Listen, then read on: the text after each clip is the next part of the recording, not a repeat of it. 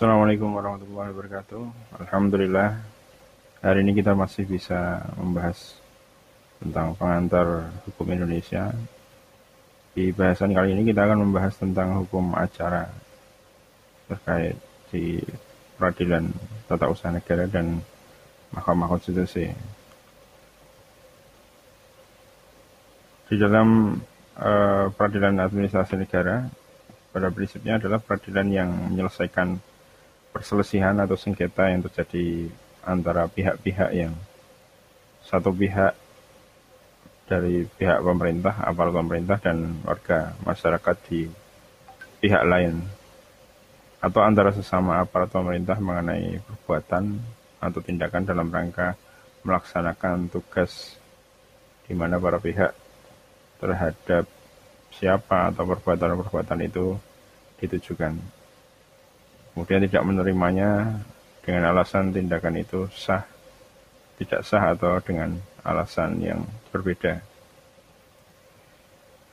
Kemudian di dalam perselisihan atau sengketa tersebut timbul karena masalah kompetisi atau persaingan atau yuridiksi yang dan perbedaan interpretasi dalam melaksanakan suatu ketentuan undang-undang. Karena interpretasi terhadap undang-undang itu kan kadang berbeda satu pihak dengan yang lain kemudian muncul perselisihan dan diselesaikan di peradilan tata usaha negara, sistem peradilan administrasi negara yang terkait dengan administrasi. Kemudian untuk menyelesaikan sengketa administrasi dilakukan dengan cara pengaduan atau administratif verb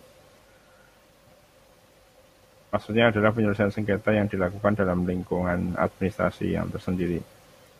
Pengaduan ditunjukkan kepada atasan atau kepada instansi yang lebih tinggi.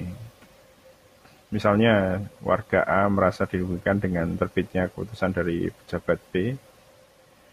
Kemudian warga A mengadukan halnya kepada hal tersebut kepada atasan dari pejabat B. Kemudian berdasarkan pengaduan warga A, maka atasan pejabat B dapat membatalkan, tapi di sisi lain bisa juga memperkuat dari apa yang menjadi apa aduan. Kemudian bagaimana penyelesaian sengketa administrasi ini? E, sengketa administrasi diselesaikan atau diacarai berjalan di dalam bentuk sistem peradilan badan peradilan semua atau kuasi peradilan. Dikatakan semua karena badan atau dewan tersebut masih terbentuk dalam lingkungan administrasi tersendiri tapi tata caranya sama dengan suatu badan peradilan. Kemudian kegiatan peradilan dilakukan oleh badan, dewan, komisi, atau panitia dan cara kerjanya hampir sama dengan peradilan umum, tetapi keputusannya masih dapat dibatalkan oleh menteri yang bersangkutan.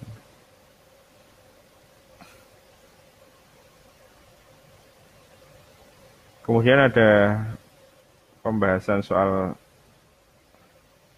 uh, penyelesaian sengketa administrasi melalui peradilan umum di peradilan umum Sengketa yang diputus oleh Badan Pengadilan Umum termasuk ganti rugi dasarnya ada pada pasal 1365 Kitab Undang-Undang Hukum Perdata atau BW yaitu mengenai perbuatan melawan hukum pejabat pemerintah penguasa atau unrahmatic overhead stat.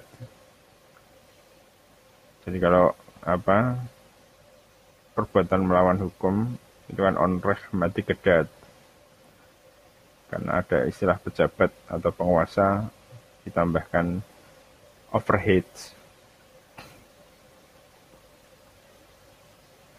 Kemudian bagaimana dengan penyelesaian sengketa oleh badan arbitrase, misalnya Badan Administrasi Nasional Indonesia atau BANI, atau oleh badan atau panitia arbitrase lain, atau mediasi gitu ya.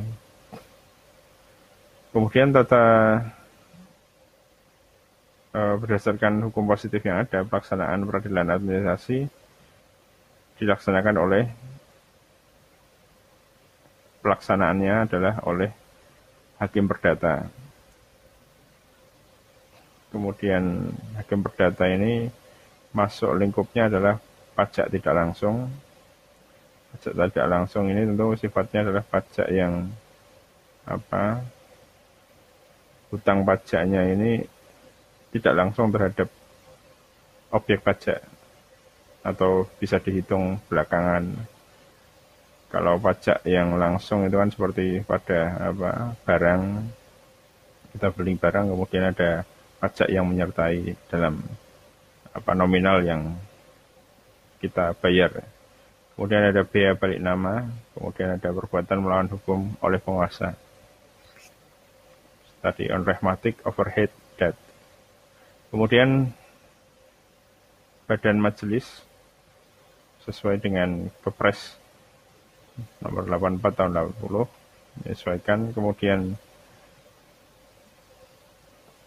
Misalnya dalam hal Kementerian Dalam Negeri, ya kalau di dalam Kementerian Dalam Negeri tentu kewenangannya adalah memutus perselisihan antara Pemda, Pemda tingkat satu dan Pemda tingkat dua misalnya.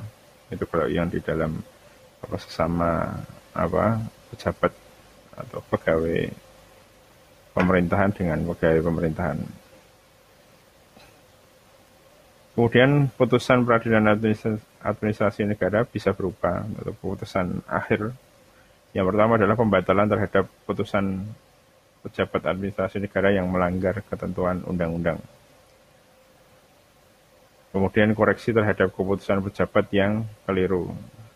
Koreksi, revisi, perbaikan atau apa pengisian celah penegasan di salah satu bagiannya supaya menjadi perhatian.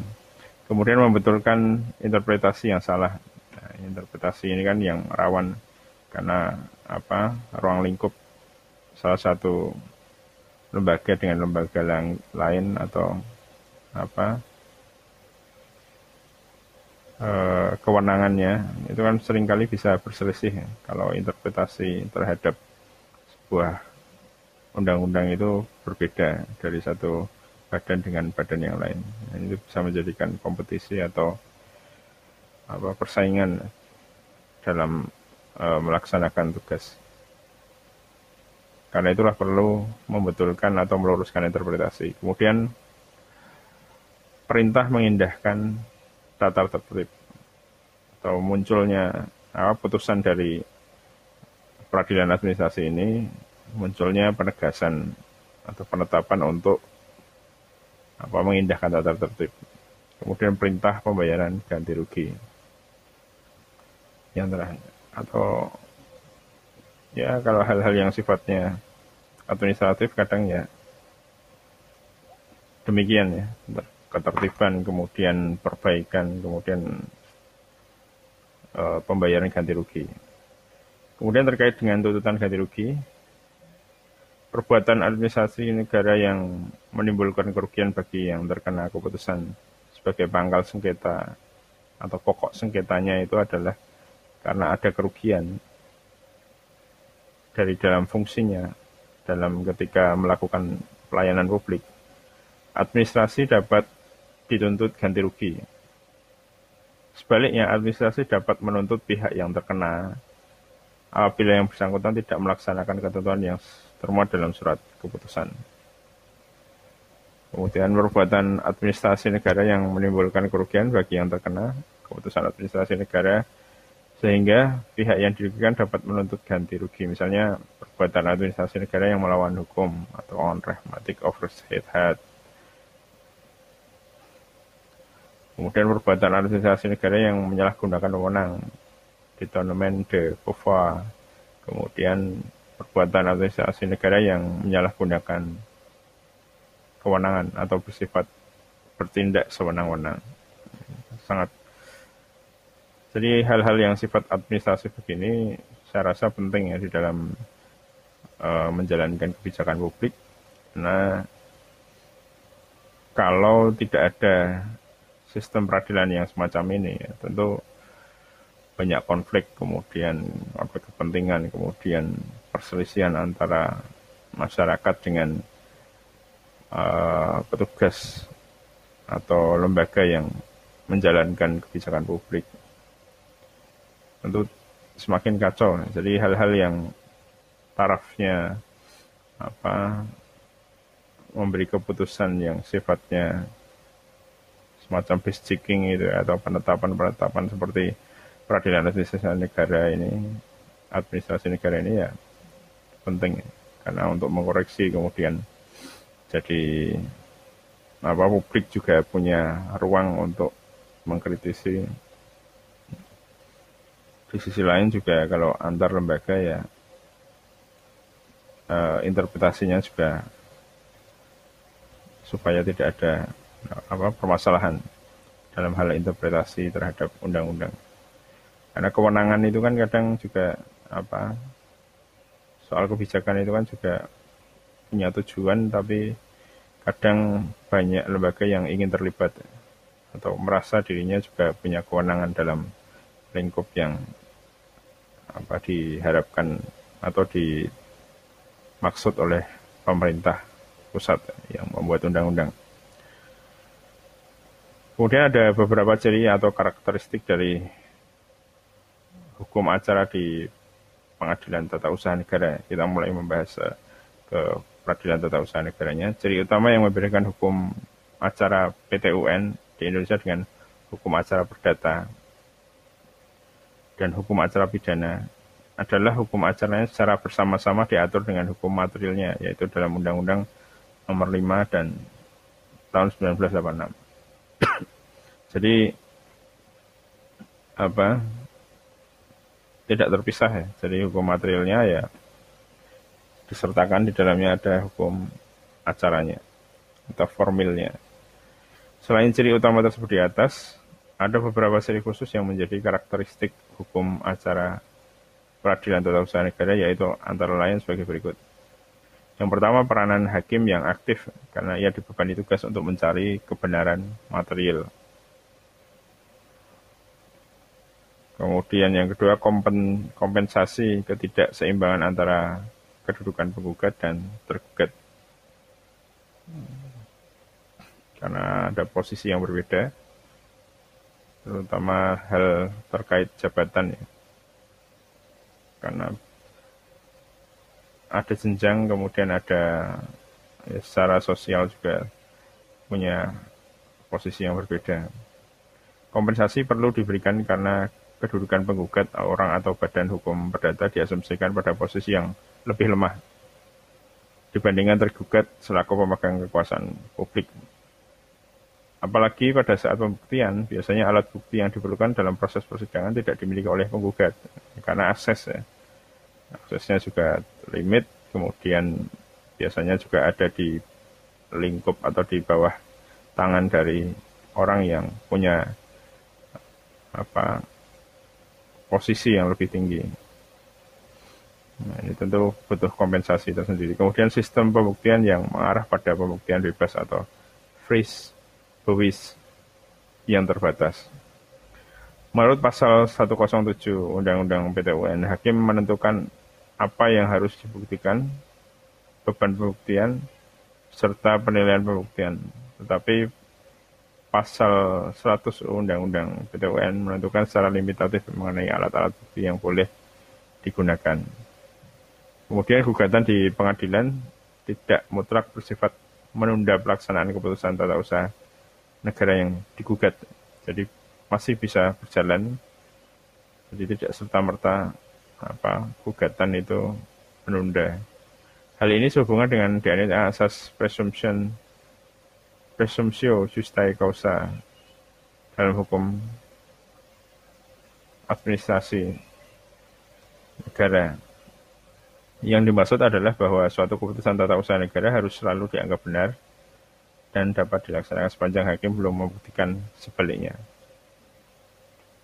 Jadi keputusan dari e, para pihak yang melaksanakan kebijakan publik ini masih perlu dianggap benar atau diasumsikan presumptio justae causa atau kausa kausanya itu diasumsikan masih punya justifikasi atau masih punya apa kebenaran untuk dilaksanakan. Sepanjang hakim itu belum bisa membuktikan dalam persidangan itu bahwa itu salah atau itu tidak. Hal yang berjalan itu yang misalkan penyebab timbulnya perselisihan itu belum dibuktikan oleh majelis hakim, hakim dalam pengadilan tata usaha negara, maka masih bisa dijalankan. Kemudian putusan hakim tidak boleh bersifat ultra petita atau melebihi tuntutan penggugat. Tapi dimungkinkan adanya reformasio in peius atau membawa penggugat dalam keadaan yang lebih buruk. Sepanjang diatur dalam undang-undang, ada potensi untuk reformasi in peius. Jadi karena mungkin ya itu resiko dari apa meskipun ada kompensasi tapi resiko dari sifatnya yang apa strukturatif begitu. Ada strata penggugatnya cenderung ada di bawah strata dari yang digugat. Kemudian ada batasan untuk tidak melebihi tuntutan dari penggugat. Apa yang digugatkan itu ya yaitu apa yang dibahas dan disidangkan begitu juga yang di ya kemudian eksekusinya ya tentu uh, menyesuaikan dengan putusan hakim. Kemudian terhadap putusan hakim tata usaha negara berjalan asas ergo omnes yang artinya bahwa putusan itu tidak hanya berlaku bagi para pihak yang bersengketa, tapi juga berlaku bagi pihak-pihak yang terkait. Nah ini tentunya begitu ya karena kebijakan itu kan juga kalau misalkan bertentangan dengan undang-undang kebijakan sebuah lembaga atau pejabat pemerintah tentu pelaksanaan di lapangan juga tidak hanya satu orang. Apalagi pejabat itu kan juga tidak bekerja sendiri. Kadang juga hanya menyuruh atau hanya memerintahkan saja. Untuk para pihak terkait itu juga terkena efek dari keputusan hakim PT UN.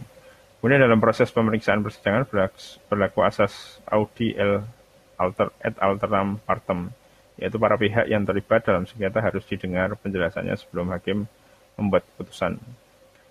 Audi el et alteram partem, jadi tiap-tiap pihak itu harus didengar satu persatu secara parsial ya.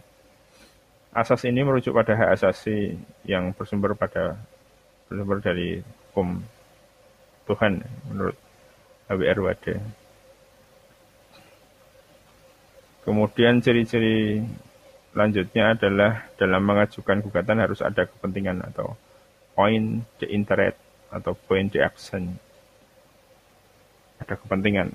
Atau bila tidak ada kepentingan maka tidak boleh mengajukan gugatan. Jadi interestnya harus jelas maksudnya apa, bukan hal yang sifatnya personal tentunya tentu sifatnya adalah untuk memperbaiki keadaan atau menyelesaikan sengketa. Jadi pada prinsipnya no interest, no action.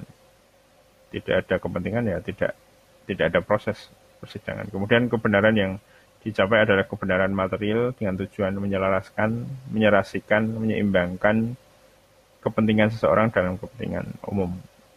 Jadi hal yang sifatnya apa objektif itu yang menjadi target. Jelaskan material ya objektif dan hal-hal yang sifatnya menyelaraskan, serasi, seimbang itu kan objektif. Nah, itulah uh, pelaksanaan atau ketentuan-ketentuan dalam undang apa aturan-aturan material kan biasanya sifatnya adalah objektif atau diasumsikan objektif secara apa indubio pro reo ya kalau di dalam pengundangannya. Kemudian beberapa hal yang bedakan hukum acara perdata dan hukum acara PTUN. Anda bisa baca sendiri. Kemudian saya rasa ini pembahasan mungkin akan kita bahas di beberapa pertemuan selanjutnya. Masih terkait dengan apa konstitusi apa saya rasa ini pembahasan soal MK ini sedikit saja dalam pembahasan kali ini mungkin digabung dengan pembahasan beberapa pembahasan ke depan. Karena kita membahas ini sebagai gambaran dari hukum acara administrasi negara terkait dengan apa PTUN. Kemudian penyelesaian sengketa tata usaha negara dikenal dua macam proses penyelesaian yaitu secara administratif dan secara gugatan. Nah, apa itu penyelesaian secara administratif?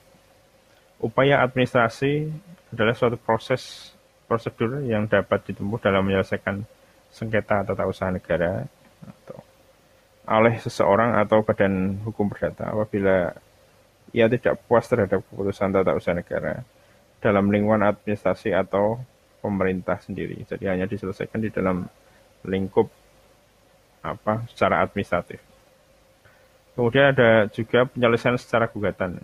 Apabila di dalam ketentuan perundang-undangan yang berlaku tidak ada kewajiban untuk menyelesaikan sengketa tun secara melalui upaya administratif. Nah, itu melihat dari ketentuan undang-undangnya. Kalau ketentuan undang-undangnya ternyata kalau ada konflik atau sengketa tata usaha negara itu tidak ada tidak diselesaikan, tidak ada jalan administratifnya. Maka seseorang atau badan hukum perdata tersebut dapat mengajukan gugatan ke pengadilan tata usaha negara. Yang dimaksud dengan gugatan adalah permohonan yang berisi tuntutan terhadap badan atau pejabat tata usaha negara yang diajukan ke pengadilan untuk mendapatkan putusan atau untuk diperiksa di majelis hakim kemudian mendapatkan putusan dari majelis hakim. Kemudian hukum acara pengujian undang-undang terhadap UD 45 oleh Mahkamah Konstitusi Indonesia. Salah satu kemenangan eh, saya rasa perlu dipisah dari pembahasan ini seperti melompat. Saya rasa untuk pembahasan terkait dengan apa hukum acara data administ ke, ke, keadministrasian di peradilan administrasi di Indonesia ini cukup sampai apa sampai di sini dulu nanti yang pembahasan soal Mahkamah Konstitusi perlu kita gabungkan dengan pembahasan mungkin uh, materi dua materi atau tiga materi selanjutnya. Demikian yang bisa saya sampaikan. Semoga bermanfaat. Terima kasih. Assalamualaikum warahmatullahi wabarakatuh.